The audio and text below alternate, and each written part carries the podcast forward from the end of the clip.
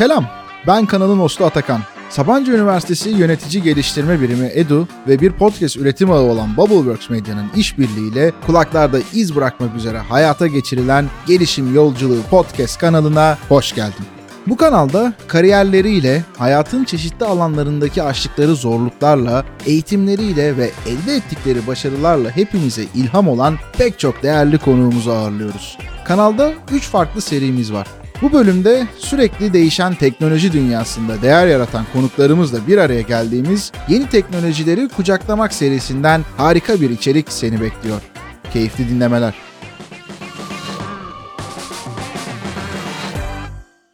Evet, herkese selamlar. Gelişim Yolculuğu podcast kanalında harika olacağından emin olduğum bir bölüme daha hoş geldiniz. Bildiğiniz gibi yeni teknolojileri kucaklamak isimli serimizdeyiz ve gerçekten tam anlamıyla yeni teknolojilerde bulunan ve bu alanda değer üreten harika bir konuğumuz var. Bugün sevgili Kerem Erikçi ile beraberiz. Kerem Bey hoş geldiniz. Nasılsınız? Merhaba Atakan, hoş bulduk. İyiyim, siz de iyisinizdir umarım. Vallahi iyiyiz. Teşekkür ederiz. Açıkçası heyecanlıyım. Ben hala hazırda aslında Keremleri çok takip ediyordum. Özellikle Büftekko. Benim gibi böyle nasıl söyleyeyim gerçekten hayatında büftek ve et ürünleri diyeyim tüketmeyi seven insanlar için ve bir yandan da yaklaşan işte gıda krizi gibi konular, işte bu ürünlerin sağlıksız olabildiği yönler gibi konuları böyle gündeminde tutan birisiyim ve bu tarz girişimler aslında globalde de bir süredir var. Türkiye'de de bunun aslında çok nadir değerli örneklerinden bir tanesi Büftekko. Kerem de onun kurucularından ama aynı zamanda İklimko ve ve Tarla Ayon'un da kurucularından. Ben o yüzden çok mutluyum, çok heyecanlıyım. Çok da teşekkür ediyorum bu bölümde bize vakit ayırdığın için. Ben teşekkür ederim. Hepsini inşallah anlatma fırsatımız olur. Evet evet. En azından önemli noktalarına, burada o farkı yaratacak olan noktalara mutlaka değiniriz. İstersen bir hızlıca senin hikayeni dinleyerek başlayalım.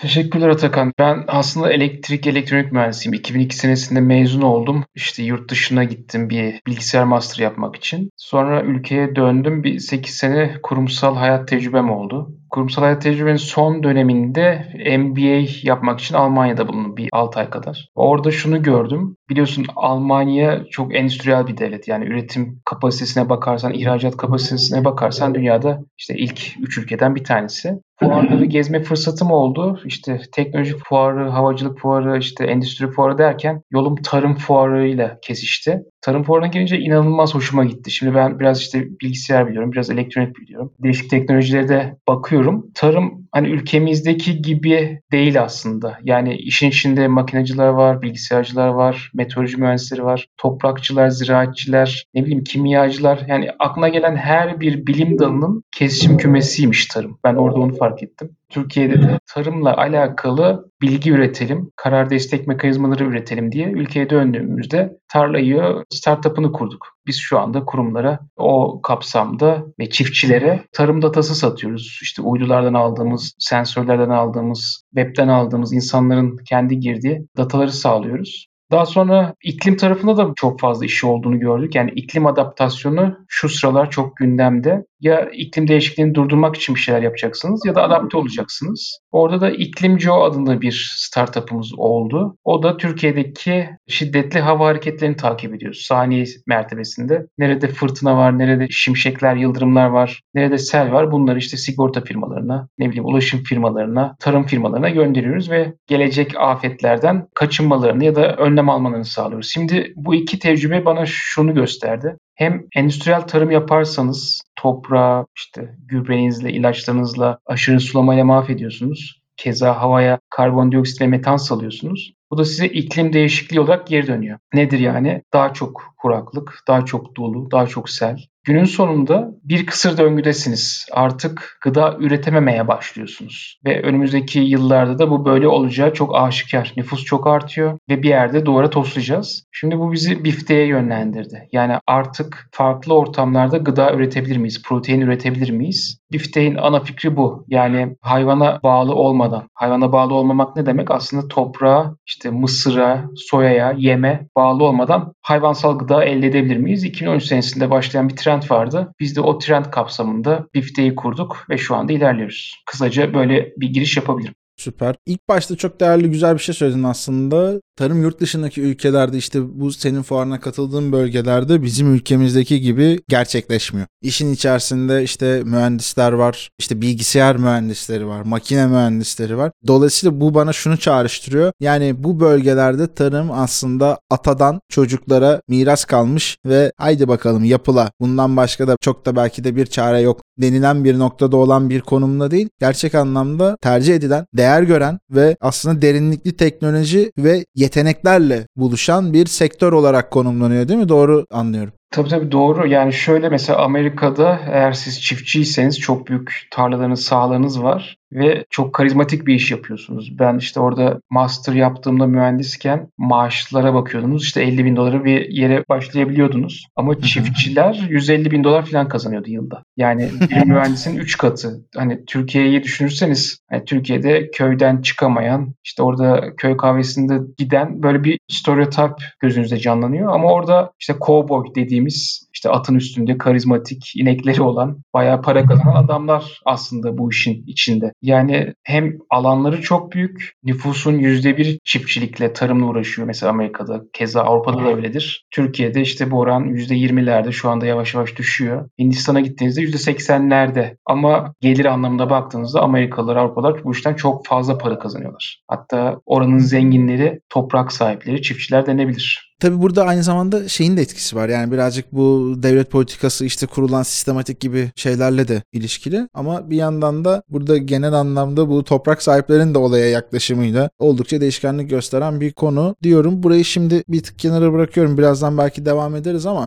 sen girişimlerin de özelliklerinden de biraz bahsettin ama iklimco ve tarla IO'yu da birazcık daha böyle bir açabilirsek yani diyelim ben bunları kullanmak isteyen bir çiftçiyim veya sizden bu verileri almak isteyen bir şirketim var. Aramızda nasıl bir diyalog oluyor? Nasıl bir hizmet alabiliyorum? Bir buna değinirsek onun ardından da daha böyle biftek koyla derinlemesine bir şekilde devam edelim istiyorum. Tamam. Şimdi biz Tarla IO'da iki tip servis veriyoruz. Bir tanesi kurumsal, bir tanesi bireysel çiftçilere. Çiftçilere verdiğimiz servis aslında bir web sitesi ya da bir cep uygulaması diye kısaca özetleyebiliriz. Çiftçiler ücretsiz abone olabiliyorlar. Yani bir kayıt yapabiliyorlar. Tarlalarına girdikleri anda biz onları böyle bilgi bombardımanı tutuyoruz. Bazı çiftçiler bundan çok memnun, bazıları da değil. Çünkü bu datayı nasıl kullanacaklarına dair bir bilgileri yok. Ama genellikle işte beyaz yaka mesela İstanbul'dan ayrılmış, İstanbul'un trafiğinden sıkılmış, Manisa'da bir üzüm bağı işleten çiftçiler var mesela. Veyahut işte ikinci nesil üniversite okumuş, eğitimli, ata dede mesleği yapan daha genç çiftçiler var. Bunlar çok değerli buluyor bizim servisleri. Ücretsiz olduğu için çok da fazla ilgi gösteriyorlar tarlalarına ekledikleri andan itibaren uydulardan gelen işte bitki sağlığı, işte meteorolojik durumlar, bitkinin gelişim aşaması, ne zaman gübre atılması gerektiği, ne zaman sulama yapılması gerektiği gibi birçok bilgiyi oradan yakalayabiliyorlar. Hatta bazen neleri yapıp neleri yapmamaları gerektiğiyle alakalı mesajlar alabiliyorlar. İşte Nisan ayında tohumu ekme diyoruz. Neden? Çünkü Nisan ayında don beklentisi var. Tohumu eker dikerse dondan dolayı mükerrer ekim yapacağından dolayı karı mesela sıfırlanabiliyor. Bunu sadece yapma dediğimiz için bir sürü para kazanan çiftçiler var. Bir de kurumsal tarafı var. Kurumlarda bankalar, sigortacılar, işte gıda işletmecileri, fabrikalar hangi arazilerde hangi bitkilerin ne verimde olduğunu görebiliyorlar. Ona göre satın alma kararları alıyorlar ya da ithalat ihracat kararları alıyorlar. Öyle bir makro data sağlayabiliyoruz. Kurum tarafı da ücretsiz mi peki? Her tarafı ücretsiz yaparsak biz ne yiyeceğiz? tamam aynen. Gelir modeli neresinde diye sormak istiyordum. Evet. Anladım süper. Biz biraz Robin Hood'çuluk yapıyoruz. Kurumlardan alıyoruz. Çiftçilere bedava veriyoruz. tamam. Normalde yurt dışında herkes para verir böyle yapılara. Çiftçiler de verir, kurumlar da verir. Ama biz işte Türkiye'deki çiftçileri de göz önüne alarak biraz daha yapımızı değiştirdik. Onlara ücretsiz bir servis sağlıyoruz. İklim tarafında ise bizim Türkiye çapında değişik istasyonlarımız var. Bunlar yıldırım ve şimşekleri tespit eden istasyonlar. Yıldırım şimşekleri tespit edip afetlerin nerede olduğunu yakalayabiliyorsunuz. Yani bir dolu, fırtına, hortum, aşırı sel boşalması hep yıldırım ve şimşeklerin akabinde oluşan olaylar. Biz onları saniye mertebesine takip edebildiğimiz için ilgili kuruluşlara özellikle mesela sigorta firmalarına alarmlar veriyoruz. Onlar da kendi müşterilerine akıtıyorlar bu alarmları. İşte önlem almalarına dair bir zaman yaratıyoruz. Veyahut geçmişe sari raporlar yazabiliyoruz. İşte burada şöyle şöyle afetler oldu. Evet buradaki beyanlar işte sigorta poliçelerinin ödenmesi gerekmektedir tarzında. Böyle bir iklim adaptasyon hizmeti sağlıyoruz. Belediyeler çok faydalanıyor bizden. Eskiden belediyeler şeydi. Hava tahminlerine göre önlem alırlardı ama şehirler biliyorsunuz çok büyük alanlar. Yani bir başından bir başına 100 kilometre olabiliyor bir şehrin boyutu. Acaba şehrin neresinde önlem almalıyız ya da şehrin neresine bu hava hareketi isabet edecek? Biz onları 10 dakikalık güncellemelerle söyleyebiliyoruz. Çok daha etkin bir afet yönetiminde bulunabiliyorlar. Ya hemen hemen anlık veri akışı sağlıyorsunuz diyebiliriz sanırım. Tabii tabii anlık yani saniye mertebesinde güncellemelerimiz var. Anladım süper. Yani bu aslında bayağı büyük bir teknolojik altyapı gerektiriyor. Bu iki işte birbirini de ciddi bir şekilde destekliyor. Bir burada hassas tarım kavramına da bir ufak bir dokunalım istiyorum. Çünkü dediğim gibi yani burada bir kombinasyon var. Bir yandan da bu teknolojik altyapı, bu veriler vesaire hani demin bir istasyonlardan bahsettin ama başka nerelerden nasıl besleniyor? İşte işin uydu tarafından gelen şeyler var mı? Bunlar nasıl yatırımlar? Bir işbirlikleriyle mi şekilleniyor? Sizin aldığınız yatırımlarla mı şekilleniyor falan? Oraları da biraz açabilirsek bir Tabii. süper olur. Şimdi hassas tarım dediğimiz zaman ben şunu anlıyorum. Sineğin kanadının yağını çıkartmak. Yani sizin aslında sınırsız kaynaklarınız yok. Kaynaklar çok sınırlı ve siz bunları çok iyi kullanmanız lazım. Çok iyi planlamanız lazım. Mesela bunu Batı dünyası çok iyi yapar. O yüzden zenginlerdir. Hani zengin olmanın herhalde bir numaralı yolu tasarruf etmekten geçiyor. Size işte diyelim ki bir ton gübre verdik ve siz bunu tarlanıza atacaksınız. Bir ton gübreyi alelade atabilirsiniz. İşte traktörün arkasına koyarsınız ve dağıtırsınız. Ama acaba bir ton gübre orası için fazla mı? Bu soruyu sorduğunuz anda bu sefer hassas tarıma dönmeye başlıyorsunuz. Uydulardan işte değişik sensörlerden toprağın ihtiyacını analiz etmeye başlıyorsunuz. Diyorsunuz ki ya toprağın kuzey tarafı zaten killi. Orada gayet güzel humus var. Hiç gübre atmaya gerek yok. Orası çok verimli bir yer. Ben bu bir tonun yarım tonunu işte güney cepheye atayım. Sonra bir sonraki sezon atayım ya da bir sonraki seferde atayım deyip böylece masrafları kısmaya başlıyorsunuz. Bunu sulamada yapıyorsunuz, ilaçlamada yapıyorsunuz, tohum ekiminde yapıyorsunuz, arazi seçiminde yapıyorsunuz. İşte diyorsunuz ki ben bir sera kuracağım. İki nokta arasında kararsız kaldım. Bunların bir iklim raporuna bakayım. Son 30 yılda hangisinde don oldu? Ha diyorsunuz işte ilk seçtiğimde 5 kere don olmuş. Son seçtiğimde bir kere don olmuş. O zaman ben son seçtiğim tarafa serayı kurayım ki enerji maliyetlerini kısayım. Yani bu tarz data üzerinden karar verirseniz hem sezon boyunca hem sezondan önce yatırım aşamasında para kazanma şansınızı çok çok çok arttırıyorsunuz. Çünkü biliyorsunuz tarım sezonları 6, 8 işte 12 aylık sezonlar. Bir hata yaptığınızda geriye dönemiyorsunuz. Bir sene beklemeniz gerekiyor. O yüzden en başta doğru işler yapmanız gerekiyor. Yani hassas tarım bu. Anladım. Süper. Bu arada yani uydudan doğrudan oradaki topraktaki tespiti yapabiliyorsunuz. Yani doğru anlıyorum değil mi? Oradan bir numune alıp bunu kontrol etmenin ötesinde bir işlemden bahsediyoruz. Evet şimdi uydu teknolojileri çok gelişti. Özellikle bu SpaceX'in artık uzaya dolmuş seferleri başlatmasından sonra böyle küp uydular dediğimiz bazı yapılar var. Küp uydular gerçekten de işte bir karton kutu ya da işte bir bilgisayar boyutunda yapılar. Bunlardan çok adetli dünyanın yörüngesine atıyorlar ve bunlar günlük size bir fotoğraf gönderiyor. Dört band bir fotoğraf. Biz siz bu dört bandı inceleyerek bitki sağlığını günlük ya da haftalık inceleyebiliyorsunuz. Yani siz tarlanıza hiç gitmeden bile bitkinizin sağlığını ya da kalp atışı diyelim takip etme imkanınız var bizim sistemler üzerinden. Bir problem olduğunda anında müdahale ediyorsunuz ve erken müdahale ettiğiniz için daha az gübreyle, daha az ilaçla, daha az sulamayla aynı verimi elde edebiliyorsunuz. Bu arada bitkinin kalp atışı kavramı harikaymış. Bunu müsaadenle çeşitli yerlerde kullanırım ben de. Tabii ki. Teşekkürler. Süper. Valla bu kısımla ilgili de biraz daha da aydınlanmış olduk. Tabii ki çok da derinlikli konular. Yani bunun da farkındayım ama en azından hani akıllarda bir şey oluşacak bir şekilde akışı yapmaya çalışıyorum süre el verdiği ölçüde. Şimdi işin toplum içerisinde daha çok yapay et olarak bilinen ama aslında bilinenin aksine temiz et gibi hatta birazdan Kerem bahseder daha da farklı isimleri olan laboratuvar ortamında üretilebilen yeni et üretme teknolojileri var. Bunlar abi tam nedir bize biraz daha açar mısın? Neden işte yapay et, temiz et falan gibi kavramlar var. Temizse temizliği nereden geliyor? İşte normal mevcut dünyamızdaki et üretimiyle bu sizin yapmış olduğunuz çalışma veya sizin desteklemiş olduğunuz bu yapı içerisinde ne gibi teknolojik altyapısal farklılıklar var oraları da oldukça merak ediyorum. Evet, şimdi bu teknolojiye başlarda bir kısım insanlar yapay et dedi. Aslında yapay et değil. Neden? Çünkü etin birebir aynısı. Sadece üretim metodolojileri biraz farklı. En son dünyada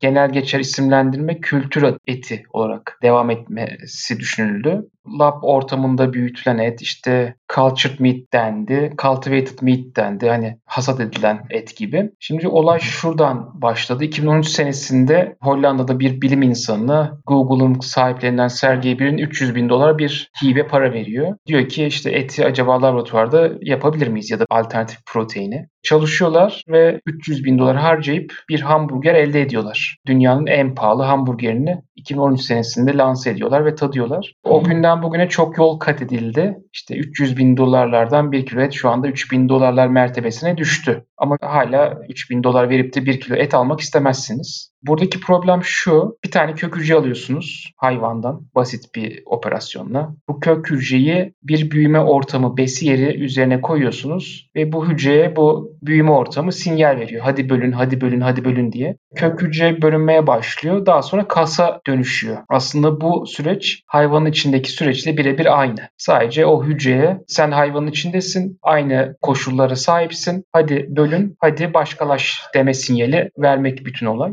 Bunun laboratuvar ortamında yapabiliyoruz artık. Ama pahalı olmasının sebebi bu besiyeri diye bahsettiğim ortam. Bunu en başta 10 sene önce bundan buzağının serumundan yani kan serumundan elde ettiler. Ama bu biraz vahşice bir yöntem. Yani buzağı öldürüyorsunuz, kanını çekiyorsunuz, onun serumunu elde ediyorsunuz ve bu sinyali sağlayabiliyorsunuz hücreye. Daha sonra işin etik boyutu da var sonuç itibariyle. Siz hayvansız et üretmek için hayvan öldürmemeniz lazım. Tam tersi bir yoldan gitmemeniz lazım. Tabii işin ne anlamı kalıyor ki o zaman zaten? Gıda krizi konusu ayrı mesele ama dediğin gibi bu işi etik tarafından veya işte beslenme alışkanlığının geldiği kaynaklar açısından da tercih edecek veya etmek isteyen pek çok insan vardır. Oradaki değer önerisi tamamen yok etmiş oluyorsun evet. bu şekilde yaptığın zaman. Sonra bakıldı ki bu kan serumunun içinde bazı proteinler var. Hani bu sinyali veren, kök hücreye bölünme sinyalini veren. O proteinleri işte genetik mühendisliği vasıtasıyla üretilmesi söz konusu oldu. İşte bitkiler kullanıldı, bazı böcekler kullanıldı. Bitkilerden elde edilen proteinlerle bu sinyalin verilmesinin önü açıldı. Şimdi çok daha ucuza hücreler elde edilebiliyor. Şimdi biz orada bifteyi niye kurduk? Tamam 300 bin dolarlardan 3 bin dolarlara düştü bu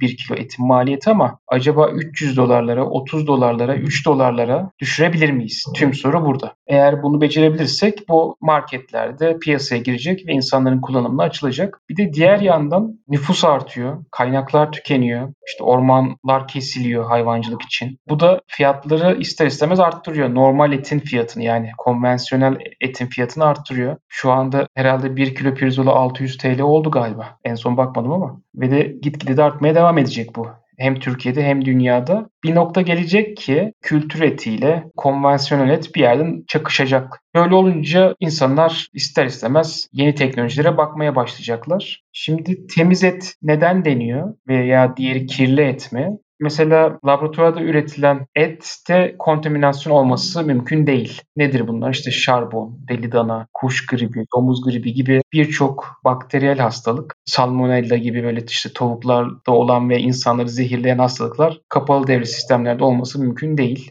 Artı dünyadaki antibiyotiklerin %80'i insanlar tarafından kullanılmıyor. Kim tarafından kullanılıyor? Hayvanlara veriliyor ki hayvanlar o ahır ortamlarında dip dibe hasta olmasınlar. Yani hasta olmadan %80 antibiyotik kullanan hayvanları biz yiyoruz. Ondan sonra bu antibiyotik direncine sebebiyet veriyor. Eğer antibiyotik direnci belli bir noktaya gelirse modern tıbbın sonuna geldiğimizi söyleyebiliriz. Bu pandemi kadar tehlikeli bir yolculuk aslında. Ciddi durumlarda kullandığımız ilaçların bize etki etmediği bir hale gelmekten bahsediyoruz yani değil mi burada? Evet tam anlamıyla dediğin doğru. Böyle bir şey istemeyiz ama dediğim gibi %80 antibiyotik insanlara hayvanlar üzerinden geçiyor. Bu da problemli bir süreç. Tabii şöyle şeyler de var. Dünyada şu anda 80 milyar tane hayvan var. İşte 50 milyar tavuk var, 5 milyar koyun var, 5 milyar keçi var, işte 5 milyar domuz var, 3 milyar dana var. Böyle sayabilirsin bir sürü. Toplamda 8 milyar insanı beslemek için 80 milyar hayvanı besliyoruz ve onlardan aldığımız proteinler onlara verdiğimiz proteinlerden çok daha düşük. Bunu şöyle bir analoji yapabiliriz. Bankaya 20 dolar yatırıyorsun. Yıl sonunda bankasına 1 dolar veriyor. Bir sonraki sene bir 20 dolar daha yatırıyorsun. 1 dolar daha kazanıyorsun. Yani bunu kaç sene yapabilirsin? Senin elindeki para bitene kadar. Mesela 100 dolar yatırsan bankaya 5 sene boyunca 5 dolar para kazanırsın. Eksi 95'tesin. Aynı bu öyle bir şey. Yani siz hayvanlara mısır, soya veriyorsunuz. İşte tarımın %70'ini hayvanlara yapıyorsunuz. Ondan elde ettiğiniz protein ve kalori miktarı çok daha düşük aslında harcadığınız miktarı nazaran. Oldukça verimsiz bir ortam var aslında yani. Evet çok mantıksız bir ortam var. İşte sera gazı salınımının %25'inden tarım sorumlu, hayvancılık sorumlu. Yaklaşık tüm otobüsler, kamyonlar, gemiler, uçaklar ulaşımın hepsini topla. Onun saldığı sera gazı kadar hayvancılık sera gazı salıyor. Bu da çok sıkıntılı bir nokta. Bir sürü böyle problem üst üste koyduğun zaman işte ülkemizdeki kuraklık zaten herkes yaşıyor. Acaba İstanbul'daki barajlar ne zaman bitecek diye her gün haberleri izliyoruz. Evet maalesef. Bu gidişat insanlığın hayrına bir gidişat değil. O yüzden önlem almak lazım ya da farklı alternatif gıda üretim metodolojilerine yatırım yapmak lazım. Bizim yaptığımız şey de o kapsamda bir teknoloji üretim startup'ı diyebiliriz. Anladım. Süper. Şimdi bu kısmı birazcık daha açacağız ama burada ufak kendime de bir not almışım. Sevgili dinleyicilerimiz de burada biftek.co'nun sitesine girdiklerinde orada bir takım sekmesine bakmalarını tavsiye ediyorum. Orada bazı isimler görecekler. Mrs. Lucky, Mr. Zeytin, Mr. Tesla ve Mrs. Lexa. Bu sevgili takım arkadaşlarımızdan da birazcık bir bahsedebilir misin Kerem? Araya şöyle ufak bir şey sıkıştıralım istedim. Evet. Şimdi bu arkadaşlar bizim takımımızdaki köpekler. Çalışanlarımızın ya da bizim evcil hayvanlarımız. Artı evde de iki kedimiz var şu anda. Birisi masanın üstüne zıplıyor. Sen görmüyorsun.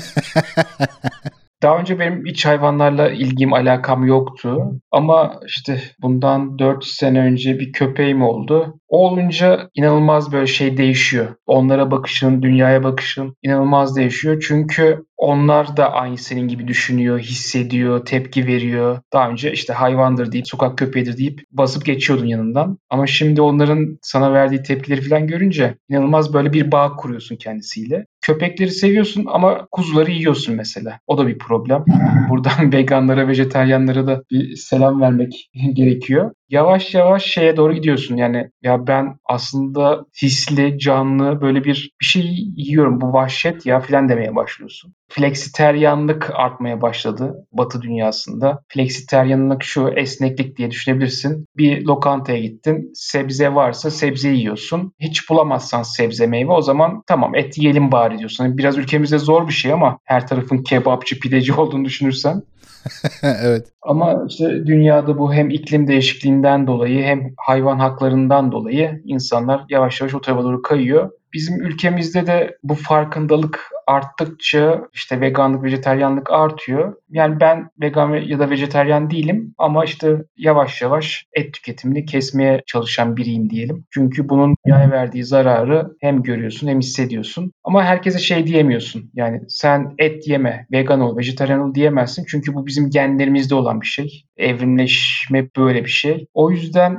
biz hayvanları öldürmeden hayvansal proteini, et diye nitelendirdiğimiz hayvansal proteini elde edebilir miyiz diye bakıyoruz. Ki bu mümkün olduğu ispatlandı. Sadece önümüzde böyle belli başlı problemler var. Fiyat gibi. O problemleri de işte ürettiğimiz teknolojilerle aşağı çekersek bir alternatif gıda ürünü sunabileceğiz. Hani bu şey demek değil. İşte hayvancılık bitecek, işte et artık tüketilmeyecek değil. İnsanlar alternatiften seçebilecekler. Hani gidiyorsunuz süt alıyorsunuz marketlerde. Bir kısım sütler işte ne bileyim fındıktan yapılmış, bademden yapılmış vegan sütler, bir kısım sütler normal süt. İstediğinizi alıp tüketebiliyorsunuz sonuçta. Evet aynen öyle. Burada o zaman yani anladığım kadarıyla birazcık da şöyle bir durum da var. Amaç burada tabii ki o et yeme deneyimi başka bir şey. Özellikle bundan keyif alan insanlar için. Ama asıl amaç o hayvansal proteine ulaşabilmek. Değil mi? Yani bunu vücudumuza kazandırabilme gibi bir sanki hedef varmış gibi görüyorum. Doğru. Mesela son zamanlarda hayvan olmadan, inek olmadan süt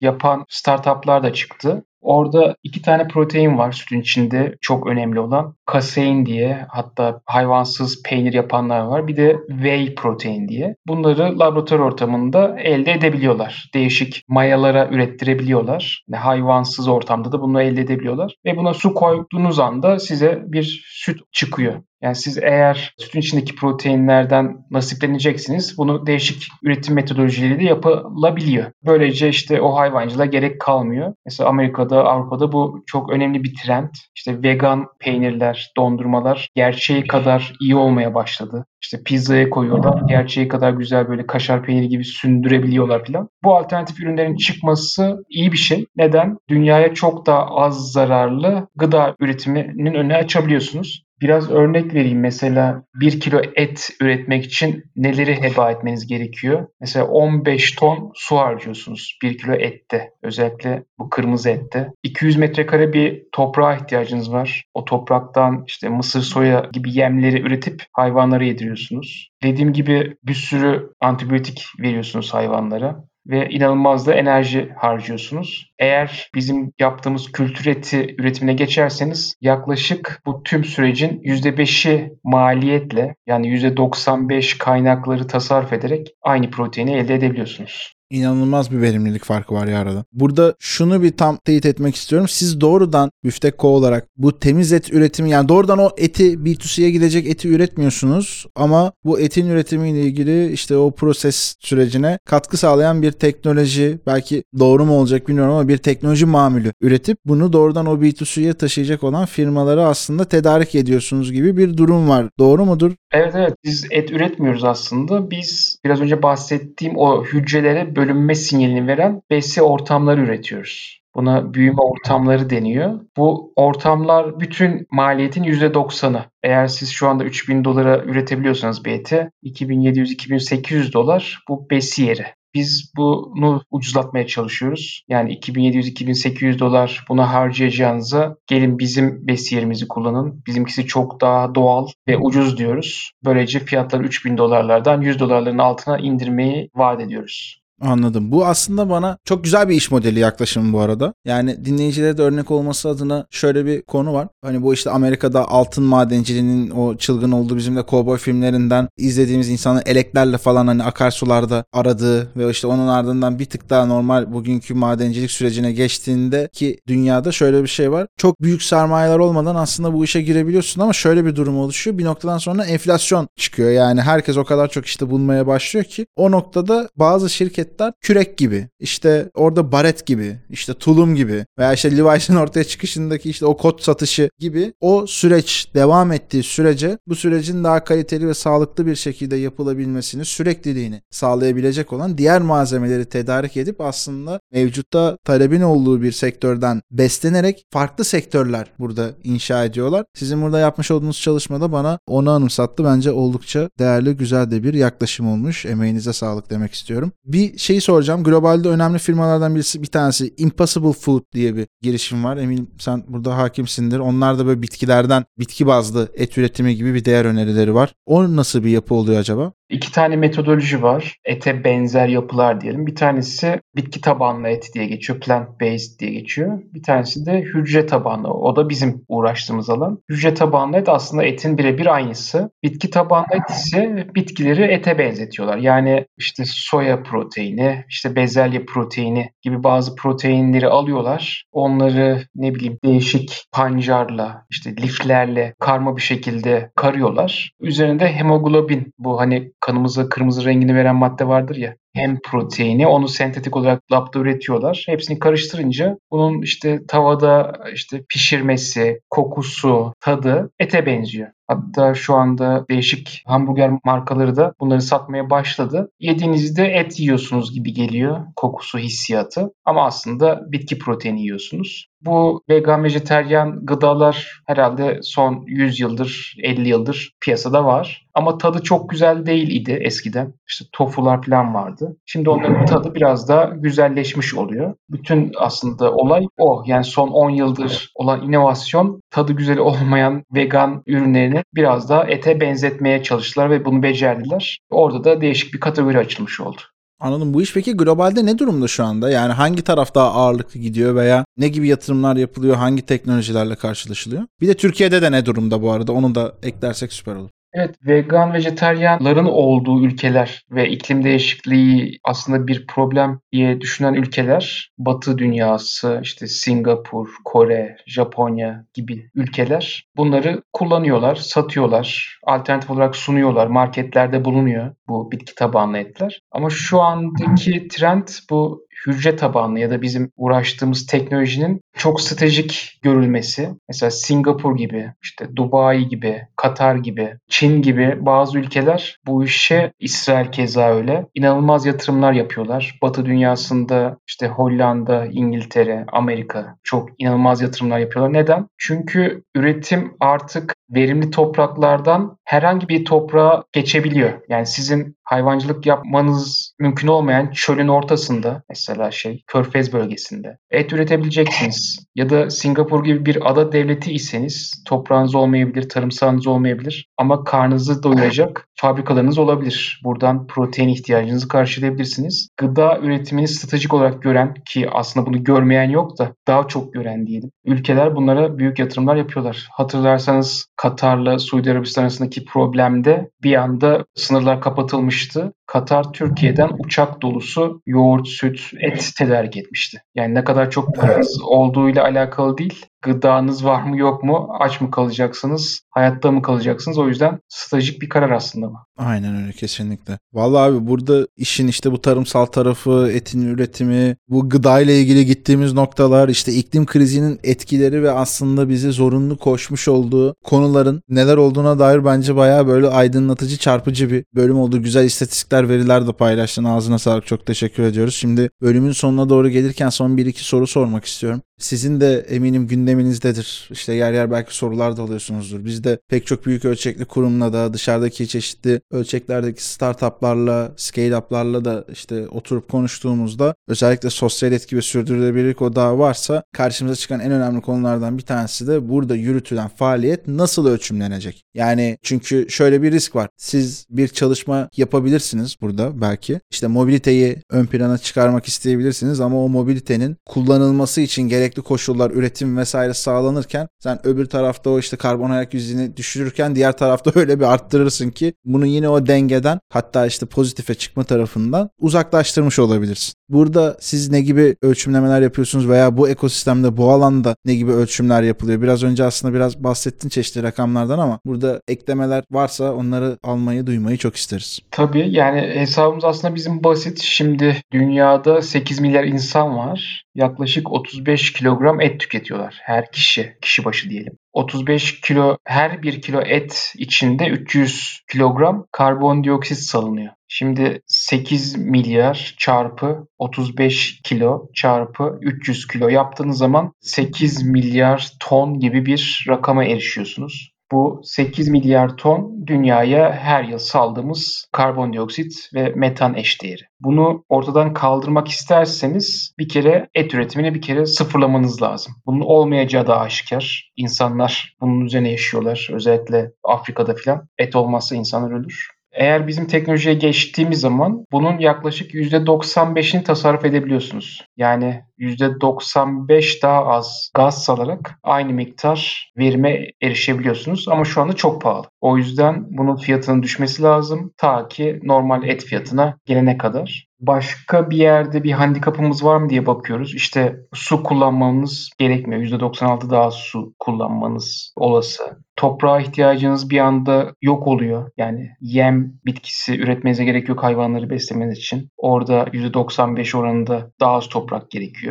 Enerji tarafı Enerji tarafı en problemli taraf. Sonuçta bir fabrika işleteceksiniz. Bazı çalışmalar şu andaki enerjinin yarısı kadar bir enerjiyle bu işi halledebileceğimizi gösteriyor. Bazıları da başa baş enerjiyle bu işi halledeceğimizi gösteriyor. Yani en kötü ihtimalle aynı enerji seviyesi ama çok daha az toprak, çok daha az su ve neredeyse hiç karbondioksit salmadan aynı miktarda gıdayı üretebileceğiz. Anladım süper valla yani gerçekten heyecan verici umut verici bir konu. Çünkü şu anda ülkemizde işte gelmekte olan bu su krizi, onun ardından işte suyun ardından gelecek olan burada tarımsal üretimle olan kriz ve dolayısıyla gıda ile ilgili olacak olan krizi düşündüğümüzde çok böyle korkutucu senaryolarla karşı karşıyayız. Olaya böyle halen daha işte iyimser bakanlar ya işte bugün yağmadı yarın yağar veya işte bir sene iki sene zorlanır sonrasında elbet yağar falan gibi konular var ama dünyanın kapasitesi, iklimlerin değişimi bunlar artık çok aşikar bir hale gelmeye başladı. Dolayısıyla bununla ilgili önlemler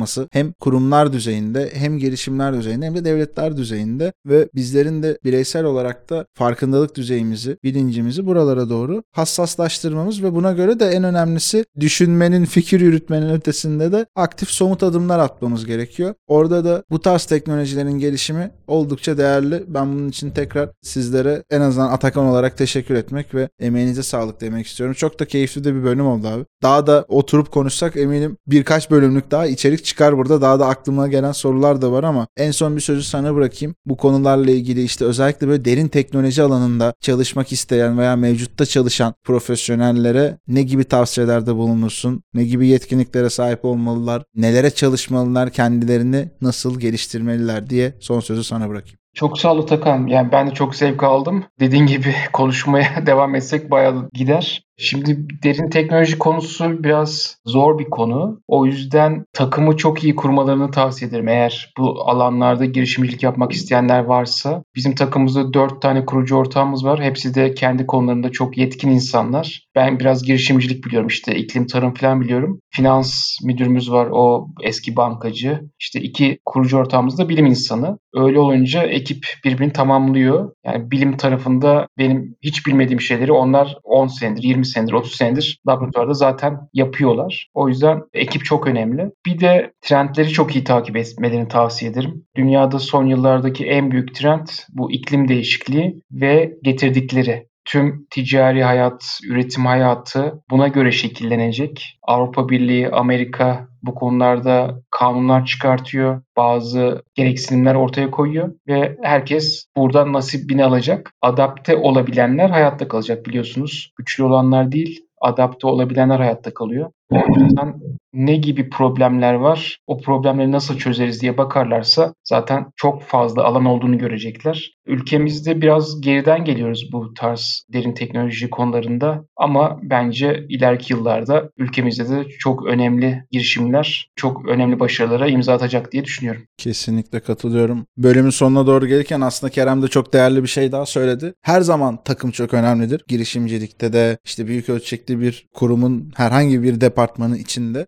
ama özellikle böyle derin teknoloji alanında ve aslında Keremler yıllardan beri de argesini yapıyorlar bu işin. Yani şu anda artık işin sonuna gelinmiş durumda. Müşterileriyle buluşacak ama bu süreçte o takım olmazsa işi finanse edecek yatırımlar, fonlar alınamaz ve dolayısıyla da işler de yürüyemez. Bifteko'nun da aldığı çok değerli yatırımlar var. Çok da değerli, önemli yatırımcılardan alındı bu yatırımlar. Eminim ki ilerleyen dönemlerde de seri A, B, C diye gidip böyle inşallah unicorn'a doğru koşacak olan çok değerli işler de yapılacak burada. Ben tekrardan çok teşekkür ediyorum Kerem. Ağzına sağlık, emeğinize sağlık. Çok keyifli oldu. Teşekkürler. Herkese selamlar. Evet sevgili dinleyiciler bir sonraki bölümde yeniden görüşünceye dek sağlıkla, merakla, yenilikle, doğayla, iklimle dost bir şekilde kalın. Görüşmek üzere sevgiler.